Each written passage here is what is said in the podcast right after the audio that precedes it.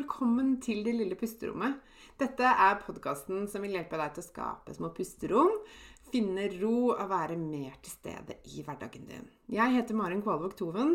Jeg er barnevernspedagog, familieterapeut og eniagramcoach. Jeg er mamma til to, gift og gründer av Det lille pusterommet. Og jeg har selv kjent på langvarig stress og har vært utbrent. Jeg brenner for å hjelpe deg ut av stress og utbrenthet og vise deg hvordan du kan finne ro selv om det er travelt rundt deg. Til daglig så hjelper jeg kvinner ut av utbrenthet og stress gjennom online coaching med min egen utarbeidede pusterommetode og ulike online-kurs. Du vil høre meg reklamere for mine tjenester i denne podkasten. Du vil også i denne podkasten få mine tips, triks og inspirasjon til hvordan du kan skape dine pusterom i hverdagen. Jeg kommer også til å dele egne erfaringer og invitere spennende gjester på besøk. Mer om meg og det jeg kan hjelpe deg med, det kan du lese om på delillepusterommet.no. Det er veldig gøy om du deler at du hører på Det lille pusterommet i sosiale medier, og tagger meg, så jeg kan si hei til deg. Jeg heter Marin Kvalvåg Toven både på Facebook og på Instagram. Her kommer dagens episode. Hei, og velkommen tilbake til det lille pusterommet. I dag så skal jeg snakke om et tema som eh, jeg har tenkt på mange ganger opp igjennom. Nå hadde jeg lyst til å dele litt mine tanker rundt dette i denne podkasten. Fordi eh, jeg hører med jevne mellomrom kvinner beskriver seg selv som så mye forskjellige, mange roller, men at hovedrollen i livene deres er at de er mamma. Jeg har hørt det mange ganger. Eh, jeg er først og fremst mamma. Ja, jeg heter sånn, jeg har denne munnen, men jeg er først og fremst mamma. Og bare for å ha sagt det her er det ingen fasit, og dette er ikke noe galt i å si det, men jeg har bare det har satt i gang noen tanker og refleksjoner hos meg som jeg lurer på om kanskje jeg kan være nyttig at jeg deler. Jeg ønsker bare å dele litt av hva jeg tenker om det, fordi jeg syns at dette er viktig, og at uh, det kanskje kan si noe om eh, mammarollen. Hvordan mammarollen har blitt da. De, senere, de siste årene, eller tiårene, eller hva man skal si. Så i dag har jeg lyst til å snakke om den selvoppofrende mammaen. Å, dette er kanskje super eh, for noen. Kanskje noen blir kjempeprovosert. Eh, kanskje noen tar seg nær av deg. Ja. Dette er ikke ment for å verken provosere eller fornærme noen. Det er bare noen tanker omkring eh, tiden vi lever i, og at jeg tror at det er viktig å være litt bevisst på mm, hvordan man forholder seg til mammarollen sin. Eh, og jeg skal si litt om hvorfor. Eh, og jeg har sett en del eksempler, og jeg har vært et eksempel selv på en person som gikk all in i mammarollen, og som mistet meg selv fullstendig. Så her snakker jeg mye av egen erfaring, men også erfaring med ganske mange kvinner som har gått hos meg og går hos meg i coaching. Så dette her er ikke tatt helt ut av leselufta, som dere kanskje skjønner. For mammalivet er og kan være ganske altoppslukende. I hvert fall den første tiden. Ehm, jeg vet ikke med deg, men hvis du liksom husker tilbake, hvis du har barn selv, da, eller kjenner noen som har det, Eh, og kanskje har eh, vært vitne til dette, hvordan dette, hva det er som skjer. Og jeg tenker at det som skjer den første tiden etter at et barn blir født, er meningen. Det er meningen at man skal være inni en sånn boble hvor, man, hvor alt fokuset er på den lille babyen og på å hvile mest mulig. Det er veldig biologisk riktig og viktig, tenker jeg. Absolutt. Eh, og mange har kanskje drømt om å bli mamma lenge. og har høye forventninger og eh, bilder av hvordan det skal bli. Eh, forventninger til seg selv, eh, til liksom, mammarollen. Og hvordan den nye hverdagen skal være med den lille familien. Og kanskje også har du hatt noen tanker om liksom, hva du skal gjøre som mamma, hva som blir viktig for deg å ha fokus på. Og kanskje hva du skal gjøre bedre enn hva din egen mamma gjorde. Eller kanskje du savnet en mamma eller en morsfigur i livet ditt. Eh, og alt dette kan jo være med på å liksom legge et ekstra press eh, på, på eh, mammalivet. da. Og, og, legge lista høyt. Kanskje høyere enn hva godt er noen ganger. Lurer jeg på. Eh, og nå i 2022 så eh, er det jo også sånn at vi som foreldre, vi kan mye. Vi kan mye mer om barns utvikling, barns behov. Vi kan mer om eh, kommunikasjon og relasjoner og tilknytning og kosthold og you name it. ikke sant? Vi har egentlig en oppskrift for det meste. Og er eh, mye mer belest og reflektert rundt disse temaene enn hva tidligere generasjoner var. Og dette gjør jo også at vi kanskje har enda større tanker og mer sånn eh, forventninger til oss selv som foreldre. da. Hva slags foreldre vil vi være? Ikke sant? Hva, eh, hva er viktig for oss å, å, å, legge inn i foreldrerollen, da. Eh, og jeg tenker at mye av kunnskapen vi har, er superverdifull. Og takk og lov for at det går framover, og at vi kan mer. Ja, absolutt. Eh, men det kan jo også legge et ekstra press på oss, eh, sånn at forventningene blir litt deretter. Og i tillegg så har vi jo også i disse, disse dager Hørtes veldig gammel ut, kanskje. Mange å sammenligne oss med. Ikke sant? I sosiale medier så er det sånne glassete, nydelige bilder. Og jeg skal ærlig innrømme at um, veldig ofte så er sånne bilder fra særlig kanskje den derre spedbarns- og babytiden eh, bilder som jeg ser i sosiale medier som legges ut av sånne kjente folk og influensere sånn, jeg kjenner meg ikke igjen. Jeg har lest sånne fødselshistorier og tenkt bare Vi har vært på forskjellige planeter. Men hvis vi driver og sammenligner oss og tenker at sånn skal det være, og sånn burde jeg også ha vært, eller åh, jeg skulle vært mer som hun der, hun orker så mye mer enn meg, eller hvordan klarer hun å se sånn ut rett etter fødsel? Liksom. Så vi holder på å drive og liksom eh, legge enda mer press på oss selv, da, fordi vi sammenligner oss med andre, så tenker jeg at det også kan eh, gjøre det ekstra heftig og, og, eh, og, for mye å leve opp til noen ganger. Eh, og sånn var det jo ikke før. Det var jo annerledes før. Eh, på godt og vondt, tenker jeg.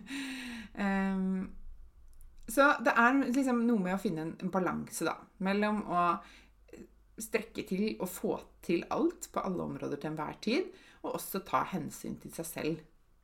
Ikke glemme seg selv, ikke miste seg selv fullstendig oppi det hele. For selv om man den første tida må være nesten 100% påkobla den lille skatten som man har fått, så eh, betyr jo ikke det at det trenger å vare i 18 år, liksom.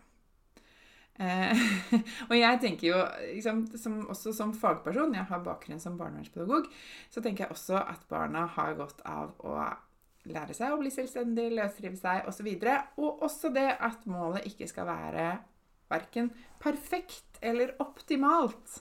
Det finnes jo ikke, og vi kan slite oss ut på veien. Og barn har også godt av å lære at livet ikke er eh, strømlinjeforma, og at ikke alt blir lagt til rette fordi at alt går sømløst gjennom livet. For sånn er det jo ikke når de kommer ut i den store verden.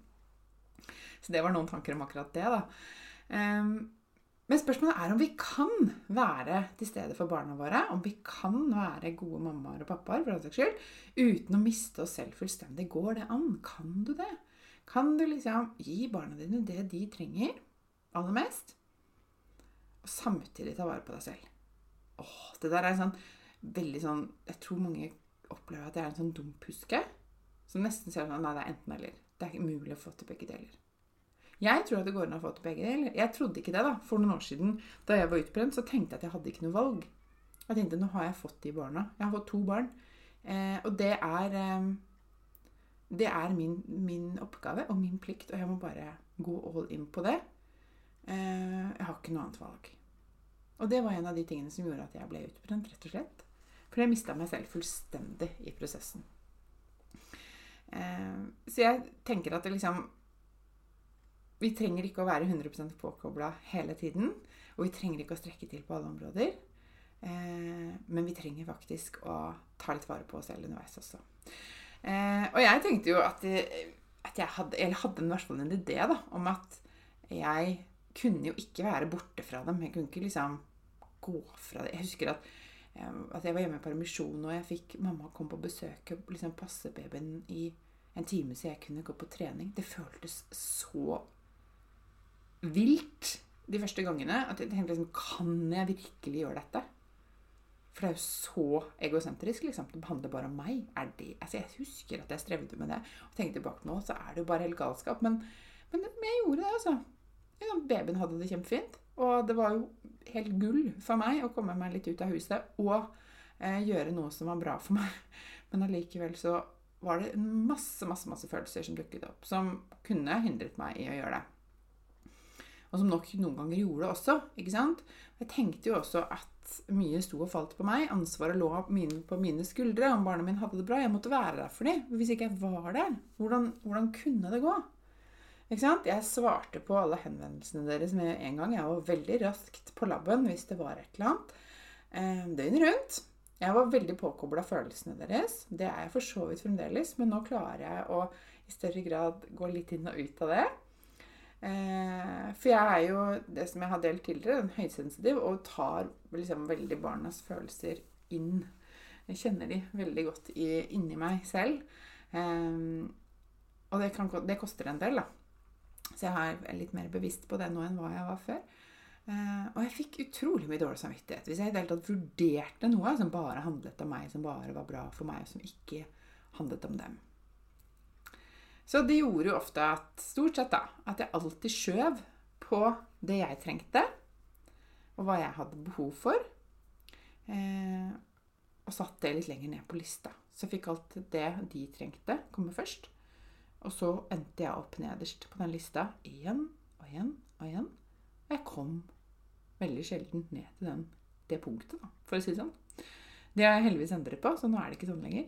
Men det var sånn eh, i mange år av mitt mammaliv. Um, inntil at jeg skjønte både at jeg måtte gjøre noe med det, og hvordan jeg skulle gjøre noe med det. Uh, og jeg tenker, som jeg sa i stad, dette er helt opp til hver enkelt. Hvordan du velger å leve ditt mammaliv, er helt uh, individuelt og, og valgfritt. Men det er faktisk et valg. Og jeg tror kanskje ikke at det å ofre seg selv da, det å bli sånn selvoppofrende og kanskje også selvutslettende, som jeg ser veldig mange gjør, det ikke nødvendigvis er til det beste for verken barna eller deg.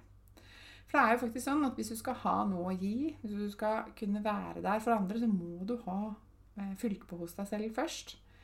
Eh, og jeg tror at både jeg og du blir en Jeg er ikke så glad i ordet bedre, men en mer tilstedeværende roligere, mer tålmodig, gladere, mer kreativ og mer omsorgsfull mamma eh, når vi får fylle på hos oss selv også. Og I tillegg så er jo et perspektiv til som jeg bare må nevne i den sammenhengen, det er jo at vi går foran som eksempler for våre barn.